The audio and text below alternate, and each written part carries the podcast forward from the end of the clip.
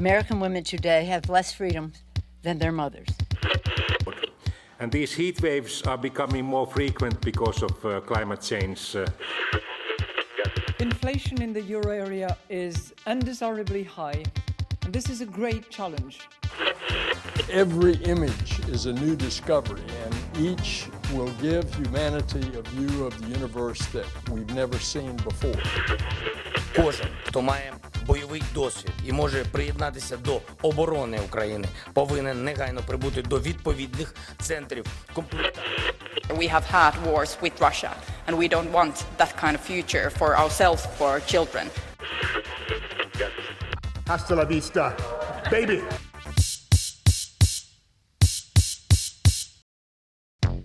Þú ert að hlusta á heimskviður.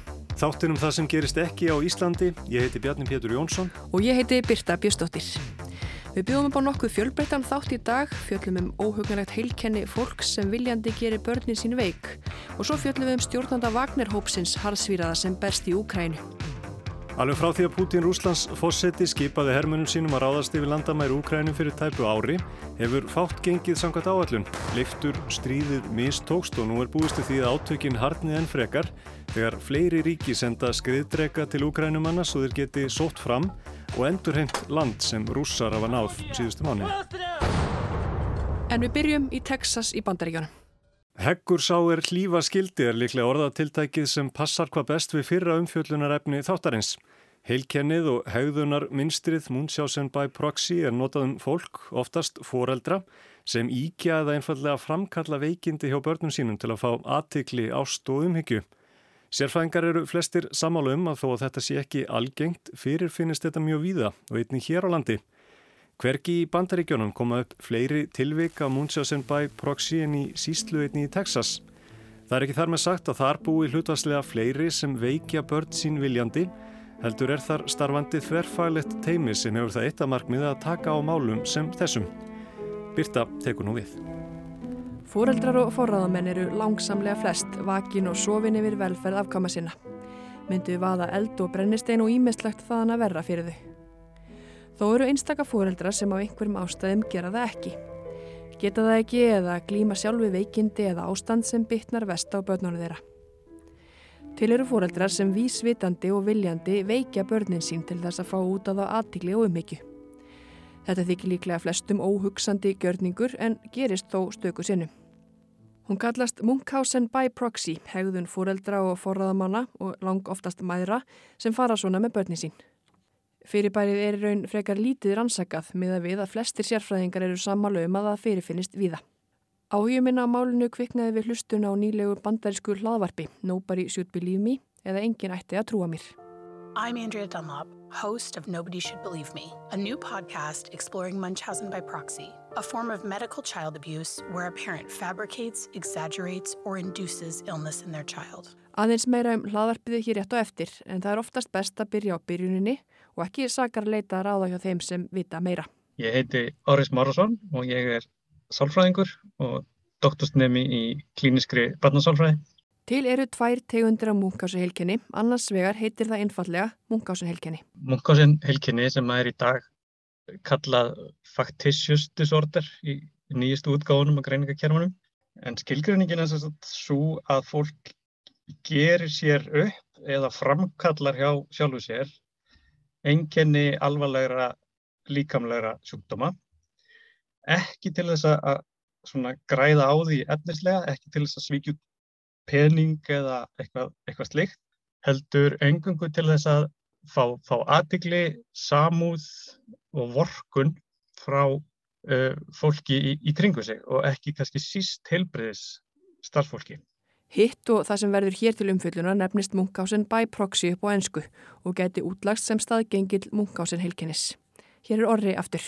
Þá gerir maður, framkallar maður þessi enginni eða gerir öðrum upp þessi enginni og algengasta byrtingamyndin eru að, að fóreldrar gera þetta við, við börn sín og annarkort þá uh, ljúa til um enginni barnana eða skada þau á eitthvað nátt eitra fyrir þeim eða, eða falsa jafnvel uh, pröfur finna leiðir til þess að, að hérna, e, breyta þrápröfum eða blóðpröfum eða öðrum svona líkanlegum rannsóknum þannig að það líti verð út uh, og aftur í rauninni í þeim tilgangi einum að, að fá aðdegli og, og samúð og vorkun og spila svona þetta hlutverk í þessu tilfelli náttúrulega foreldri langveiks, alvarlega langveiks bass sem að er eitthvað sem að þetta fólk sem að, sem að greinist með þennan vanda sækir, sækir alveg ofsalega stert í.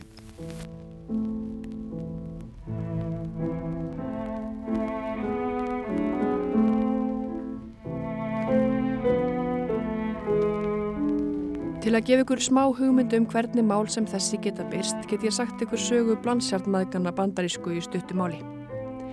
Gypsy Rose Blanchard fættist ára 1991 og ólst upp hjá móðu sinni. Hún hétt Didi. Gypsy Rose var alveg upp sem langvegt barn með langan lista af sjúkdómsgreiningum. Hún var í hjólastól langt framann af æfi sinni og talin vera greindaskert. Það er maðguð fengu mikinn stuðning í samfélaginu þar sem þeir byggu, fengu ást og aðtegli, aðstóð og peningagjafir og styrki til að auðvelda þeim báðum lífið í veikindum stúlkunar. Til að gera langa og hræðilega sögu mjög stutta var ekkert að Gypsy Rose. Móðurinnar kokkaði upp og framkallaði öll hennar veikindi. Það komst ekki upp um óbeldi fyrir árið 2015 þegar móðurinn Didi fannst látin á heimilið þeirra. Ungur maður sem dótturinn Gypsy Rose hafi komist í kynni við á netinu myrti móðurina til að tryggja frelsi dótturinnar. Saga þeirra er meðal annars sögði í heimildamindinni Mommy, Dad and Dearest frá HBO. Þá muna eflaust einhverju hlustendur eftir viðlíka máli í kvikmyndinni The Sixth Sense. I want to tell you a secret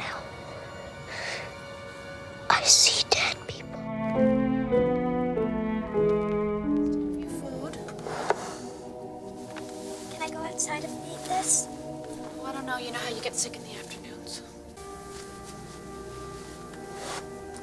Don't say that it tastes funny. You know I don't like to hear that. Í myndinni mætir hinn all sjáandi kóli erfidrykju og ber skilabóð til sirkjandi föður um að það hafi í raun verið eiginkona hans sem vekti og endanum myrti dóttur þeirra sem var verið að jarða. You were keeping her sick.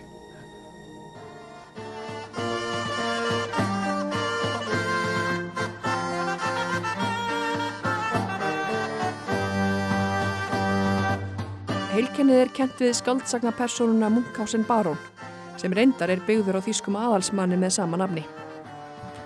Aðalsmaðurinn var uppi á átjóndöld og var helst minnst fyrir að færa verulega í stílinn þegar eigið ágætti og afreik úr annars vegar. Árið 1785 byrtist skaldsanga personan Munkhausen Barón fyrst á síðum skaldsögur smiðju Rudolf Erik Raspe. Fyrirmyndin var afar ósáttur við þannan skaldaðanabna sinn sem honum fast kasta rýrð á heiður sinn en þrátt fyrir óanægi fyrir myndarinnar hefur hinn frásakanglaði skreitari barónin Munkhausen öðlast framhaldslífi í kvikmyndum, leikritum og sjónvastáttum, auk þessum sögurnar af honum hafa verið gefnar út víða um heimi í ýmsum útgáfum. Það er kannski ekki skrítið að nafn barónsins hafi orðið fyrir valinu þegar að finna átti viðjandi nafn á þessa hegðun sem hér er til umfyllunar. Að íkja, færa í stílin og einfallega ljúa til um veikindi, enginni og lasleika til að fá aðtikli frá öðrum. This is nobody should believe me. Snúma þess aftur að hlaðvarpuru Nobody Should Believe Me sem var kveikjana þessar umfjöldun. Þáttastjórnundin heitir Andrea Dunlop og er bandarískur reytöfundur. Uh, my name is Andrea Dunlop. I am the host and creator of the podcast Nobody Should Believe Me. Það er engin betri til frásagan um söguna hennar en Andrea Dunlop sjálf svo ég hefði samband við hana og hún var meira en til í vittal. Fannst gaman að heyra að hlaðvarpunu hennar hefði skólað alla leið upp á strendur Íslands. En það var engin tilvilin að Dunlop laðist í gerð hlaðvarpsins. Hún kynntist fyrst þessu umfjöldunarefni þessa þáttar, Munkhausen by proxy, þegar eldri sýstirinnar sætti rannsókn ásökuð í tvígangum að beita börnin sín þessu ofbeldi. Þó að hafa aldrei verið sakveld fyrir myndbrot, segir Dunlop málið hafa sundrað fjölskyldinni. I do come to the issue of um, Munchausen by proxy very personally. I had a situation in my family um, where my older sister has been investigated for it uh, twice. She has never been charged with a crime. I always want to make sure to include that. Um, but it was a very difficult situation in my family. And the first investigation, which happened about 12 years ago now, um, just completely divided my family. And Hlaðarpið byggir þó ekki nemaða litlum hluta á sögu sýsturinnar. Fjöldi sérfræðinga er þar til viðtals auk þess sem saga Hóp í bara er rækin, sem eins og saga sýsturinnar fylgir öllum sömu minnstrum og þessi mál gera gerðnan. Dunlop vildi fyrst og fremst vekja máls á Munkhausen by proxy því hann hafi vantað svör þegar málið kom upp í hennar fjölskyldu. Um, you know, when I when when my family was confronting that investigation, we had never really heard of it. We'd certainly never talked to anybody else who'd been through it. So it was really important to me that, you know, I think one of the best things that storytelling can do, whether it's as a novelist or as a podcaster is to help people feel less alone in their lives and help them help them feel less isolated. Hún segir það besta sem sögumæður geti gert sama hvort það er í skáldsögu eða hlaðvarpi sé að veita hlustendum og lesendum þá tilfinningu að þeir séu ekki einir, að þeir séu ekki einangræðir. En það létu viðbröðun ekki á sér standa þegar kom út í fyrra. We've heard from a lot of survivors, we've heard from a lot of family members, and they all say kind of the same thing, right? I thought I was the only one. I really felt like I was the only person this had ever happened to. And um, and I've even, you know, what's what's especially moving for me is I've heard a couple of people who have told me that it was by listening to my podcast that they realized that they were a survivor. They realized that this is what had happened to them in in their life, and that that of course is just incredibly moving because there's so much deception and there's so much isolation for the victims. Hún segist hafa fengið viðbröð frá fjölda fólks, þólendum og aðstandendum sem hafi flest sagt sömu söguna. Ég held að ég væri svo eina sem hefði lendið í þessu. Mörg hafi sömur leiðis sagt henni að það hefði verið fyrst við hlustun á hlaðvarpið sem þau hefði gert sig grein fyrir að þau væru eða hefðu verið þólendur þessar tegundar ofbeldis. One of the impacts I hope that talking about this publicly have will just be on, you know, obviously children who are in this situation, but I think also for adult survivors, just helping them understand, you know, and, and try and just begin that process of making sense of, of their lives. Dunlop segir að einangrun þólenda sé mikil þar sem þetta gerist innan nánustu fjölskyldu. Með því að tala ofinskáttu málið eins og hún sé að gera, fáið þólendur hjálpið að vinna á reynslu sinni og einfallega átta sig á því að þau hafa verið beitt ofbeldi. Öll rannsóknarvinna Dunlop skilaði sér í því og hún var valin í nefnd sem hefur þetta eina markmið að vakta og uppræta þessa tegund ofbeldis. Committee, which is part of a larger organization called the American Professional Society on the Abuse of Children. Nefndin er hluti af bandariska fagfélaginu gegn ofbeldi og börnum. Í þessari nefnd sitja aukdónlopp, hjúkunafræðingar, sálfræðingar, félagsráðgjafar, lögregla og í raun allir fagaðilar sem hafa mögulega snertifleti við börni í þessum aðstæðum.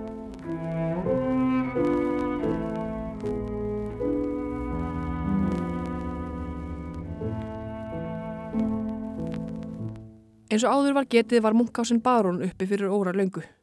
En hvað er langt síðan farið var að tala um Munkásin heilkennið og Munkásin by proxy? Hér er sálfræðingurinn Orri aftur. Fyrsta greinin, uh, það, sem, sem þessi svona, þetta er skilgrænt þessi gefið nafn, hún byrtist 1951. Það er læknir sem heitir Richard Asser sem skrifar þá grein í, í The Lancet læknariti og það er svona uh, orðar hann á þannig að hann er kannski að setja orð á hluti og reyna að skilgræna eitthvað fyrirbæri sem flesti læknar kannast að einhver leiti við en hefur kannski fram að því ekki í rauninni verið, verið viðkend og ekki verið til heiti yfir það og ekki, ekki verið þannig séð fræðilega skilgrænt. Þannig að hann svona gerir það þarna 1951 í, í þessari grein og síðan hefur þetta verið svona verið þekkt en þó að þetta hafi verið þekkt núna í, í 70 ár þá er rauninni förðu lítið til um þetta af svona góðum rannsóknarköknum. Órið segir að það megi líklega meðal annars útskýra með því hversu flókin svona mál eru. Þetta er bara nákvæmlega það. Þetta, þetta, er, það, þetta er bara það hátt flækjustig rannsóknarlega uh, og þeir sem að glíma við þetta eru náttúrulega meir og minna ekki til saminu. Þeir vil ekki taka þátt í rannsóknum, þeir vil ekki þykja meðferð, þeir vil ekki einu sinni viðkenna að þetta sé vandin í mörgum tilfellum. En er eitthvað að vita hversu algengt þetta er? Uh, nei, í raunin eru enga góðar tíðnitölur til að því að ég er best veginn. Við veitum að það, það er nokkuð algengt að fólk og bara, og bara sko, hvað maður segja, bara svona venjulegt fólk ef að það er til, innan gæsalappa, ígi eða gerir sér upp veikindi eða, eða eitthvað slikt að einhverju leiti. Það er tildulega algengt. En þetta er náttúrulega, þetta er ekki það. Þetta er algjör öfga byrtingamind þess. Þannig gengir miklu, miklu lengra og fólk er rauninni bara svona skilgreinir sig algjörlega út frá veikindunum yfirleitt og lífið þeirra gengur meir og minna út á þetta. Þannig að það er líklega sjálfgeft en, en þó þannig að ég hugsa að allir svona sem hafa starfað innan heilbæðiskerfisins í eitthvað tíma hafi að minnstakosti einhvern tíman grunað eitthvað í þess aft. Og það er meðal annars raunin hér á landi. Já, svona tilfelli hafa komið upp á Íslandi sem betur fyrir ekki oft, þetta er sjálfgeft, en, en já, við höfum greint múkon sem bæði proxy á barnaspítalaringsins. Þetta er Áskir Haraldsson, professor í barnalækningum og yfirlæknir á barnaspítalaringsins. Barnalæknir í Íslandi eru vel meðvitaður um þetta umferðlega fyrirbæri múkon sem bæði proxy. Þannig að við erum á varðbergi þegar að þessi grunur kemur upp.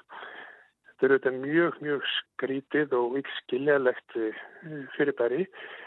Stundum er þetta líka unglingar, þá er það kannski frekar munkásen syndrom, þar sem þeir gera sér upp einkenni.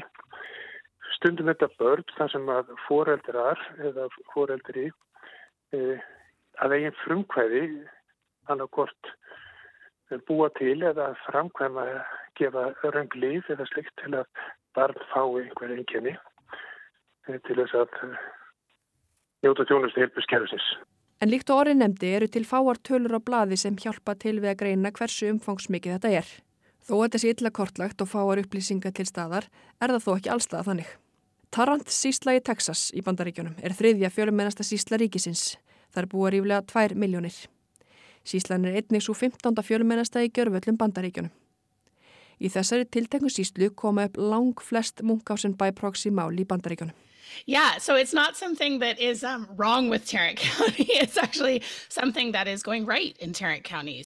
Andrea Dunlop segir að ástæðan sé ekki svo að það sé svo mikið aði í Tarrantsíslu. Heldur sínu tölfræðin einmitt að þarna sé verið að gera hlutina rétt. Þarna starfi hefði áðunemda þverfaglega teimi sérfræðinga sem vakti og kortlegi og kunni að bregðast við þegar grunur um munkásin by proxy komi upp. Laurugla, heilbriði starfsfólk og félagsþjónustan komu öll að því.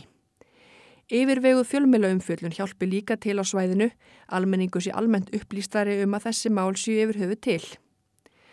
Dunlop bendir á að það sé ekki alltaf raunin. Mjög víða í bandaríkjunum hafi gerendur í málum sem þessum oft aðganga fjölmjölum og getur komið sér á framfæri þar og fengið þar aðtiklina sem þau þrá svo mjög. What I've really come to believe is that Tarrant County is a microcosm of, of what it would look like if systems were working. So every county is Tarrant County. I don't think they have a specifically high level of this abuse. They're just the only people in the country who are catching it on a regular basis. Dunlop telur að Tarrant sísla sé í raun byrtingamind þess hvernig heimurinn myndi allur líta út ef öll kerfi virkuðu jafnvel og þar. Hver sísla sé í raun Tarrant sísla þó að flest málinn komi upp þar. Sem fyrr segir er erfitt að kortleggja vandan og lítil sem engin tölfræði til sem getur hjálpa til við að meta fjölda og útbreyslu þessara mála. Dunlop segir sérfræðinga þó flesta sammála um að þetta sé eins algengt og aðrar tegundir ofbeldis gegn börnum. We don't actually have good statistics on this at all. It's not well studied. So they're just, we just really don't know. But I think, um, you know, experts really feel like it's, it's as common as any other form of child abuse. Þau mál sem við höfum nefnt hér og mörg fleiri sem hlustendur hafa eftirvill lesið um í fréttum eru lang flest í bandaríkjónum. Þar eru þessi mál talsvert til umfyllunar. En má ætla að þetta sé jafn algengt annar staðar? Ég myndi halda það. Ég myndi halda bara það, það, það sé ekki í rauninni munur á tíðninni í svona menningarlega sambarilegum löndum, bara þú veist, eðinvægt vestræn samfélögu, þetta eru örgulega ósköp svipað á flestu stöðum. Dunlop segist í störfum sínum reglulega verða vör við að fóreldrar rökkvi í vörðn og hafi áhyggjur af því að næst þegar þau fari með barnið sitt til læknis sé þetta eitthvað sem þau verði grunuð um. Dunlop segir því fari fjarrri, það sé heimin og hafa milli áhyggjufullra fóreldra sem leiti lækninga fyrir börnin sín og svo hinna sem fylgi ákveðinu munstri í allt, allt öðrum tilgangi. I always like to point out to people, you know, the behavior of a loving parent who's genuinely pursuing a diagnosis for their child does not look like this at all. This is a very specific pattern. Þó þetta framferði hafi þekst lengi, tekur það breytingum eins og annað í tímans rás. Andrea Dunlop andvarpar reynlega þegar netið og samfélagsmiðlar eru nefndir í þessu samengi. Oh, yes. I mean, it cannot be overstated how much worse this issue has been made by the internet as a whole and social media specific. Dunlop segir að með tilkomu netsins sé mun auðveldar að afla sér allra upplýsinga um einkenni allra sjúkdóma, auk upplýsinga um liv og virkni þeirra. Upplýsingar sem áður voru til í læknabókum eru nú aðgengilegar öllum í símanum. Þá hjálpa samfélagsmiðlar fólki í leitað aðtegli fyrir veikindi sín og sinna umtalsvert. Í gegnum þá síður en ótakmerkaður fjöldi fólk sem þú getur náð til. Ólíkt því sem áður var þegar samfjölu fólks töldu kannski ekki til dölu að marga. Þá var auðvelt að brenna allar brýra baki sér í því litla samfélagi. Á samfélagsmiðlum er sífælt að leita í ný samfélag og fá aðtiklina sem þú þráir svo mjög. where it just there's basically an infinite number of people you can reach. I mean, I think, you know, it used to be that most of us were confined to sort of the community where we lived, right? And so one would think eventually people, you know, what you, one of the patterns that you see is people burn through a lot of relationships, right? Because the minute that someone is on to the fact that they're lying, then that, you know, they they really pull away from that person. And so you would think, you know, back back way back when that sort of you had a limited unless you kept moving you had a limited amount of people that you could sort of burn through and that is not the case anymore now you have an infinite amount of people that you can burn through Dunlop segir að fyrir okkur vel flest virki aðtegli á samfélagsmiðlum eins og fíknefni. Like og annað rafrænt samþyggi láta okkur líða vel. Hvernig virkið það þá fyrir fólk með þessa haugðun sem þráir ekkert heitar en aðtegli samúð og kærleik og er tilbúið að gera næstum hvað sem er til að fá það? the attention for all of us, the attention that we get from social media does function like a drug in our brain, right? We do get a little serotonin hit. So you can imagine that if someone has this disorder and they are very, you know, much trying to get that kind of attention and sympathy to get their emotional needs met, that that is just like supercharges that behavior. And in fact, it does. Þeim hafi sumulegis fjölgat til muna með tilkomi samfélagsmiðla, stöðunum sem þetta fólk getur sótt. Þeir eru næsta óteljandi hópanir og samtökin á samfélagsmiðlum þar sem hægt er að sækja samúðina. Dunlop segir að mikilvægt sé að gera greina mun á þessu sem hér er til umfyllunar og bara almennum sveikarhöppum sem vilja á sér heimildir eða ljúi til um veikindi til að hafa fíafólki. Þó munkásen fólk þykji oft gafir og fjárstyrki sé það ekki það sem knýjuðu áfram. Þau halda upptegum hætti þó að fjárhanslegi ávinningunni sé engin. The primary motivation is really thought to be the emotional gratification and the sympathy um, because they will do it in the absence of any financial gain which i think is part of what makes it so hard for people to understand because you just think like why are you doing this? You're not getting anything out of it. But of course they are getting something out of it. Dunlop segir að þetta sé eina mörgum ástæðum þess að það sé svo erfitt að skilja hvað fólki gangi til með þessu. Heggur sá er hlífa skildi, segir gamalt orðatiltæki og flestum okkar þykir óhugsandi tilhugsunum að foreldrar og lang oftast mæður geri börni sín viljandi veik og gangi jafnvel að um döðum í leit sinni eða aðtikli. Dunlop segist vona að framundan sé viðlika vitundavakning og hefur átt sér stað með annað ofbeldi. Þó þessi mál séu flókin og erfið sé heilsa og jafnvel líf barna í húfi. The biggest thing that I want people to know is just that the stakes are really high here. Um, this is a really hard thing to confront, and I really understand that. The one thing we do know statistically is that this form of child abuse has a higher death rate than any other form of child abuse. Dánartíðinni þólenda þessara ofbeldisgleipa sé hærri en allra annara tegunda af misnótkuna börnum, segir Dunlop. Að lokum spyr ég sálfræðingin orra hvaða möguleikar sé í stöðunni þegar þessi mál koma upp. Er hægt að læknast af áróttunni? Það sem ég séð svona einhverjir hafa reynd að gera er rauninni meðhandla þetta með mjög svipuðum hætti og bara uh, ofbeldi innan fjölskylduna en er meðhandla. Eðlilega, af því að þetta er náttúrulega, sérstaklega í þessu svona by proxy útgáfi, þá er þetta náttúrulega ekkert annað en, en, en ofbeldi kakvart, kakvart barni og, og, og misnótkun. Og, og það eru vissulega til meðferðarlegir þar, að því sögðu þá vitum við, við vitum að það eru ákveðni þættir sem að spá fyrir um að, að svo meðferð sé ólíklegri til að virka og því miður eru það þættir sem eru algengir hjá þeim sem eru með svona þessa munkánsheflun hlutir eins og að vera með ákveðna fylgjiraskanir eins og personleikaraskanir hafa sögu um, um alvarlega áföll sjálf í æsku og svona þættir sem, sem við vitum að ef þeir eru staðar þá er meðferðin ólíklegri til þess að skila því sem við myndum helst vilja. Og þetta eru þættir sem eru algengir hjá, hjá í munkánsheflun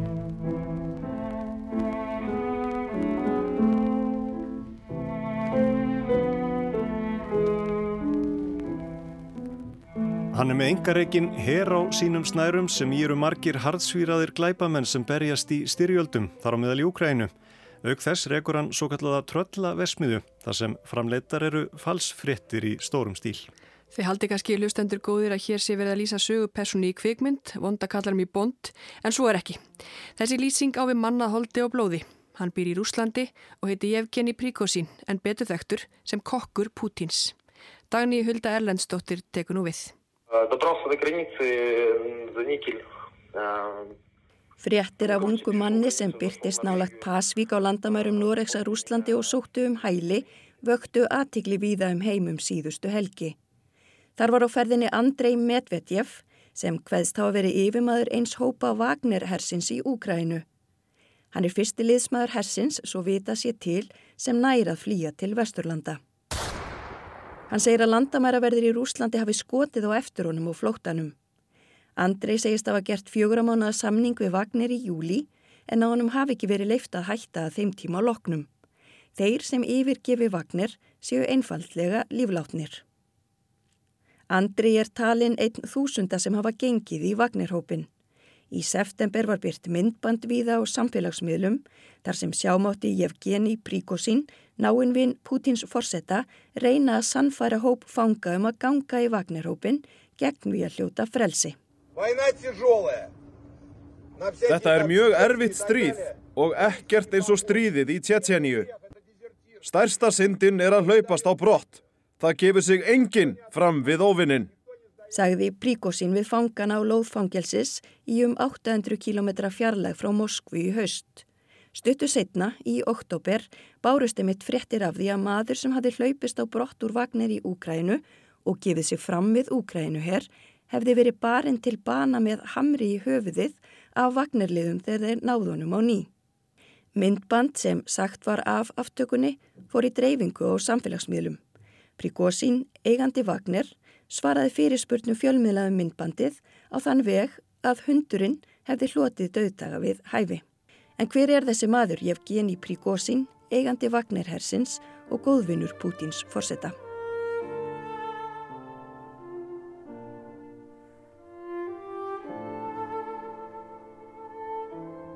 Prigozin ólst upp í Pétursborgi í Rúslandi líkt og Pútín. Leiðir þeirra láð þó ekki saman fyrir ná fullorðinsaldri. Prigozin þótti efnilegu skíðagöngumæður í æsku en rúmlega tvítugur hlautan dóm fyrir þjófnað og síðar fyrir svig. Hann satt inn í nýju ár og var þá náðaður. Eftir hrun Sovjetríkjana á tíunda áratögnum fór hann að selja pilsur með pappa sínum og reksturinn gekk vel. Hann kefti hlut í fyrstu stórmarkaðskeðjunu í Pétursborg og stopnaði síðar spilavíti og veitingarstaði sem áttu eftir að verða vinsælir. Svo gerðist það í byrjun júli 2001 að þáverandi fórseti Frakland, Jacques Chirac, kom í ofinbera heimsókn til Rúslands og þeir Pútín snættu og veitingastað Prigozin sem var í gömlum uppgerðum bát. Sjálfur þjónaði Prigozin fórsetunum og fylgdaliði til borðs. Árið síðar kom Pútín á veitingastæðin með bús þávinnandi bandarækjafósita. Árið 2003 hjælt Pútín svo upp á afmæli sitt á veitingastæðinum. Á þessum tíma er talið að Prigozin og Pútín hafi kynst vel og vegna tilkomu kinnana er Prigozin jafnan kallaður kokkur Pútins. Næstu ár hlaut eitt fyrirtækja Prigozins stóra samninga við rúsneska ríkið um skólamáltíðir, matfyrir ríkistarfsmenn og herin. Talið er að Vagnirherin hafi verið stopnaður 2014 af Dimitri Útkin sem áður hafði verið í leini þjónustu Rúslandshers. Æðisti stjórnandi nú er þó fyrirnemdur Prigozin. Talið er að fyrsta verkefni Vagnir Hersins hafi verið við hertöku Krímskaga 2014. Það voru þeir í grænum fötum, ekki mertir neinum hér. Þeir eru líka sæðir hafa barist við hlið rúsa frá 2014 í austurhluta Úgrænu. Talið er að nú séu um 20.000 Vagnirhermenn í Úgrænu. En hvers vegna vilja stjórnvöldi í Rúslandi nýta sér Vagnir? Getur svona beitt þessar anslegnd og ákveðinu þá afneitun á ábyrða því sem að þessi hópur er að gera.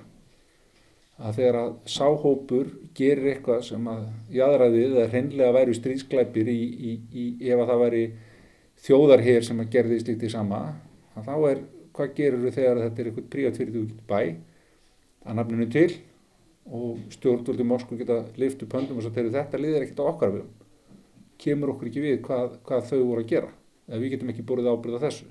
Segir Fríðrik Jónsson, öryggis og varnarmála sérfræðingur.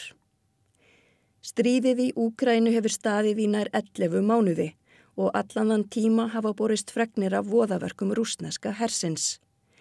Þó er talið að grimdarverk Vagnirhópsins séu enn verri.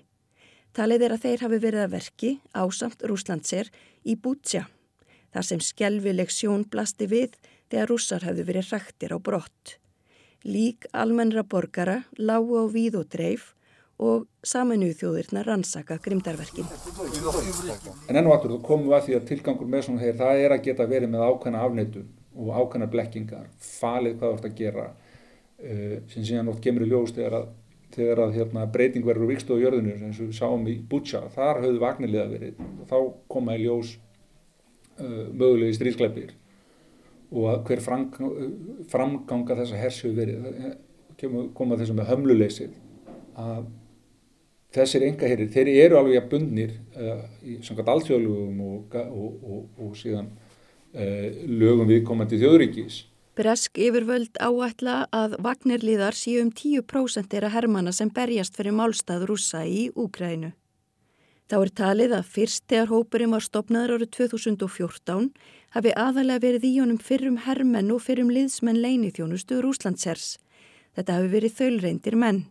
Talið er að staðan sé önnur núna eftir að þúsundum fanga hefur verið bóðin löst gegn við að berjast í Úkrænu. Rúsneski fjölmiðlinn The Moscow Times grindi frá því í oktober að fregnir hefðu búrist af því að meðal þeirra sem hefðu þegið bóð Koks Pútins varu morðingjar, nöðgarar og einn fangi sem hlotið hafði dóm fyrir mannátt. Frettirna sem berast á Rúslandi er að þeir svona sópu upp uh, úr fangjálsum en líka upp úr svona fátækar í hverfum þeir sem hafa verið orðið undir í samfélaginu og einna annan hátt eru kannski í eitthulega neistlu eða annar þetta er síðan mjög segja, lagskipt. Það er, eh, það er svona stíf hýrakja eða, eða skipulag. Hverjir eru eh, hverjir eru, hver eru neðstir í virðingasteganum og ítt á jáfnvel fremst, fremst og nota, sem, nota þessum fallbúsufóður Friðrik segir að þegar ríki nýti engaheyri sem þennan geti líka verið að baki ástæðinu svo almennt þegar ríki kaupa þjónustu. Að fyrirtæki hafi ákveðina sérhæfingu, ekki endilega beinlinis í herbardugum, sem ríki vilja ekki leggja í fjárfestingu í, heldur kalli eftir þjónustu fyrirtækja þegar þörfir á. Ég hugsa að einhver myndi verða hérna, eh, kannski ekki líka þessi samlíking en segjum sem svo þegar þú ræður Securitas Eh, sem öryggisverði inn á landsbytalan þá sama þá ræður kannski svona hérna, enga heri til þess að sinna ákveðnum hlutum í landamæragjæslu eitthvað sem ríkið sjálfur sér gæti gert en hefur valið af einhverjum ástafum í yfirleitt undir yfirskinni hérna, eitthvað svona spartnaðar eða til þess að dragur einhverju sérhengu eh, hefur valið að bjóða út. Enga herir eins og vagnir eiga sér langa sögu víða um heim.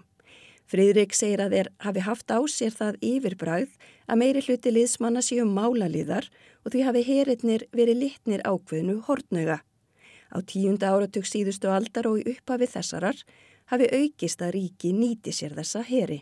Eh, við sáum þetta til dæmis tölvört í Afganistan að það var verið að nota, eh, nota hérna svona enga, enga heri til alls konar verka sem að hefðu að öllu jöfnu fallið undir hefð, verkefni hefðbundin að herja uh, 10, 20, 30 árum áður. Mikið til dæmis í, í, í gæslu, sáum gæslu á sendiráðum eða ofinbjörnum byggingum eða eitthvað slíkt. Þó sé misjamt hvernig ríki nýti sér engaheyri. Það er auglust munur á milli þess til dæmis þegar vestran liðræðisríki er að nýta, nýta svona og síðan aftur meira einræðisríki e, eins og til dæmis Úrúsland. Dæmi eru um að engaherra störfum fyrir líðræðisríki hafi farið út fyrir öll mörg og nefnir Fríðriki því samengi Blackwater í Írakstriðinu. Fjóri starfsmenn þess hlutu dóm fyrir að skjóta 14 óvapnaða almennaborgara til bana í Bagdati 2007, þar af tvö börn. Starfsmenn fyrirtækisins unnu við að gæta öryggis sendi fulltrúa bandaríkjana. Þetta er ekki óalgengt að nota þetta en þetta hefur verið eh, segja, umdilt, alltaf verið umdilt og svo hver kostnaður er til dæmis þegar þú horfir á uh, eins og þeirra saminuð þjóðunar hafa verið að nýta sér til örgiskjæslu annað og það horf bæða kostnaðin og síðan er það ábyrðin. Þegar að þessir uh, herir ger eitthvað af sér, hver ber ábyrð, hvaða lögureglur gilda. Vagnarliðar er ekki aðeins í Úkrænu heldur víðar um heiminn. Fríðrik segir að starfseminn fari yfirleitt saman við hagsmunni rúsneska ríkisins og útenslu stefnu þess sérstaklega í Úkrænu. Þeir hafa verið í mið Afrikulíðveldinu, í Líbíu og Mali og hafa barist við hlið stjórnarhersins í Sýrlandi. Þar höfum við líka séð reyndar uh, þessa afnöytum þegar, því, uh, þegar, þegar, þegar það hendar. Samanberð þegar Vagnirliða lendu í átökum við bandaríska hermen í Sýrlandi og uh, töpuðu mjög illa og voru raun og veru stráfeldur um over 200 Vagnirliðar af bandaríkjamönnum og þá sáður rúsnistjórnulti að þetta liðir ekki þarna á okkar við hann. Síðan höfum við séð þá í Afríku að styðja við stjórnvöld þar sem eru höll undir Moskvu eða e, maður hefur séð að Moskva hefur viljað að ná áhrifum hjá og þá eru það yfirleitt einmitt stjórnvöld sem eru svona, uh, skulum við segja, ekki, ekki neinar fyrirmyndir hvað varðar líðræði, mannréttindi eða, eða slíkt. Þrátt fyrir að við köllum Vagnirherrin enga herr, þá virðist starfsemi hans mjög náinn herr og varnarmálum á vegum rúsneska ríkisins. Í grein bandarísku hugveitunar Center for Strategic and International Studies segir að frekar mig í flokka Vagnir sem nátengdan ríkinu, heldur en alveg sjálfstætt engafyrirtæki. Fjölmiðlin Bellingcat sem sérhæfis í svokallari gagna rannsóknar bladamennsku hefur komið staði að Vagnirliðar fái sérstök vegabref útgefin á skrifstofu í Moskvu á vegum ríkisins. Á sömu skrifstofu sé gefin út vegabref til fólk sem tengist varnarmálauraðunni til Rúslands. Þá hefur þar verið gefin út fölsuð vegabref fyrir mennina tvo sem reyndu að ráða af dögum fyrir um gagnjósnaran Sergei Skripal og Júliu dóttir hans á Englandi með eiturefna árás 2018. Það hefur kvilt mikið leyndi við starfsemi hersins þanga til nýlega. Prigozín neytaði árum saman að tengjast honum nokkuð. Svo gerðist það í september að tilgjent var um opnun fyrstu höfuðstöðva Vagner í glæsi hísi í Pétursborg í Rúslandi. Ljósmyndir og myndbönd af opnuninu voru byrt í fjölmiðlum í Rúslandi og víðar. Þar mátti sjá fjölda ungmenna í glerhísinu að þér virtist í góðum gýr. Markmiði hjá okkur er að skapa þægilegt umhverfi til að koma nýjum hugmyndum í framkvæmt sem bæta varnar getur Rústlands. Saði kokkur Pútins í yfirlýsingu. Síðan hefur hulunni verið svift af hernum og príkósinn kokkur hefur látið mynda sig á vývellinum. Auglýsingar hafa verið byrtar víða um Rúsland þar sem fólk er kvart til að ganga í Vagner og berjast við hlið rússa í Úkrænu. Sumi leiðis hafa verið byrtar auglýsingar í Serbíu og gaggrindi fórseti landsins auglýsinga herrferðina harlega. Fríðrik segir á Vesturlöndum sé mikil áhersla lögða og kom í veg fyrir mannfallinan herja og eins meðal almennra borgara. Hinum einn výlínunar hjá rússum og víðar sé staðan önnur. Það má velta fyrir sér þegar að hér hægirum og við verum til kjænst vonandi í eðlera ástand hvort ekki þurfum við að, að verða alþjóðlega meira átak um það hvernig reglu setju og komum böndum á uh, tilvist þessara engaherja. Það er svona samvisku spurning inn í framtíðina. En það er fleira tengt veldi Príkósins sem hann hefur nýlega gengist við. Hann var lengi sagður reyka svo kallaða tröllaverksmiði í gamalli verksmiði byggingu í Pétursborg. Þar vinnur fólk við að skrifa falsvettir sem svo er drift á netinu til dæmis á samfélagsmiðlum. Einni voru búinir til gerfi aðgangar að samfélagsmiðlum og starfsmenn verksmiðunar skrifa ummæli sem eignuð eru fólkinu sem sagt er eiga þessa aðganga. Oft er þetta í umræðum um hitamál. Príkósín hafði lengi þrættur að tengja snokkuru slíku en svo gerðist það í november að hann fekk spurningu frá einum fylgjanda sinna á samfélagsmiðlunum Telegram um það hvort hann hefði haft afskipti af kostningum í bandaríkunum. Við höfum haft afskipti af kostningum. Við gerum það enn og ætlum að halda því áfram. Svaraði Príkósín. Stjórnveldi í Rúslandi hafa ætti neitað nokkur um afskiptum á kostningum í bandaríkunum. En stjórnveld þar saka rúsa meðal annars um afskipti á fórsetakostningum 2016 þar sem Donald Trump hafði betur gegn Hillary Clinton. Karlmaður sem kalla sig Sergei, en vill ekki gefa upp fullt nafn, vann í tröllaverksmiðunni í Pétursborg frá 2018 til 19. Hann veitti fjölmiðlinum Radio Free Europe viðtalum þá lífsreynslu. Þar kom fram að launin hefði verið þokkaleg en að þetta hefði verið krefjandi starf að skrifa alltaf 120 ummæli á dag á 11 tíma á vöktum. Sumi starfsmenni voru mjög metnafullir og svo voru aðri sem áttu sig á að þetta var algjört rugl. Saði Sergei í viðtalinu við Radio Free Europe. Sett voru skilirðum að allir starfsmenn hefðu stúdentspró en svo var líka fólk með meiri mentun til dæmis doktorskráðu. Það eru margar deildir í tröllavegsmiðinu og í hverjum 15 starfsmenn með mismunandi hlutverk. Í einni deildinni einbyttir fólk sér að byrtingu falsfetta á YouTube, í annari á Facebook og svo framvegis. Sergi var í deild sem sáum að skrifa ummæli við fréttir sjálfstæðir af fjölmiðla. Efst á lista var rúsneski fjölmiðlin Novaja Gazeta. Fyrst trúði ég varlega að þetta væri svona í raun og veru. Ég fekk hálfgett menningarsjokk. Orwell lísti þessu vel í bókin 1984. Ég held að þetta væri dystopia en þetta virka við svona í raun og veru.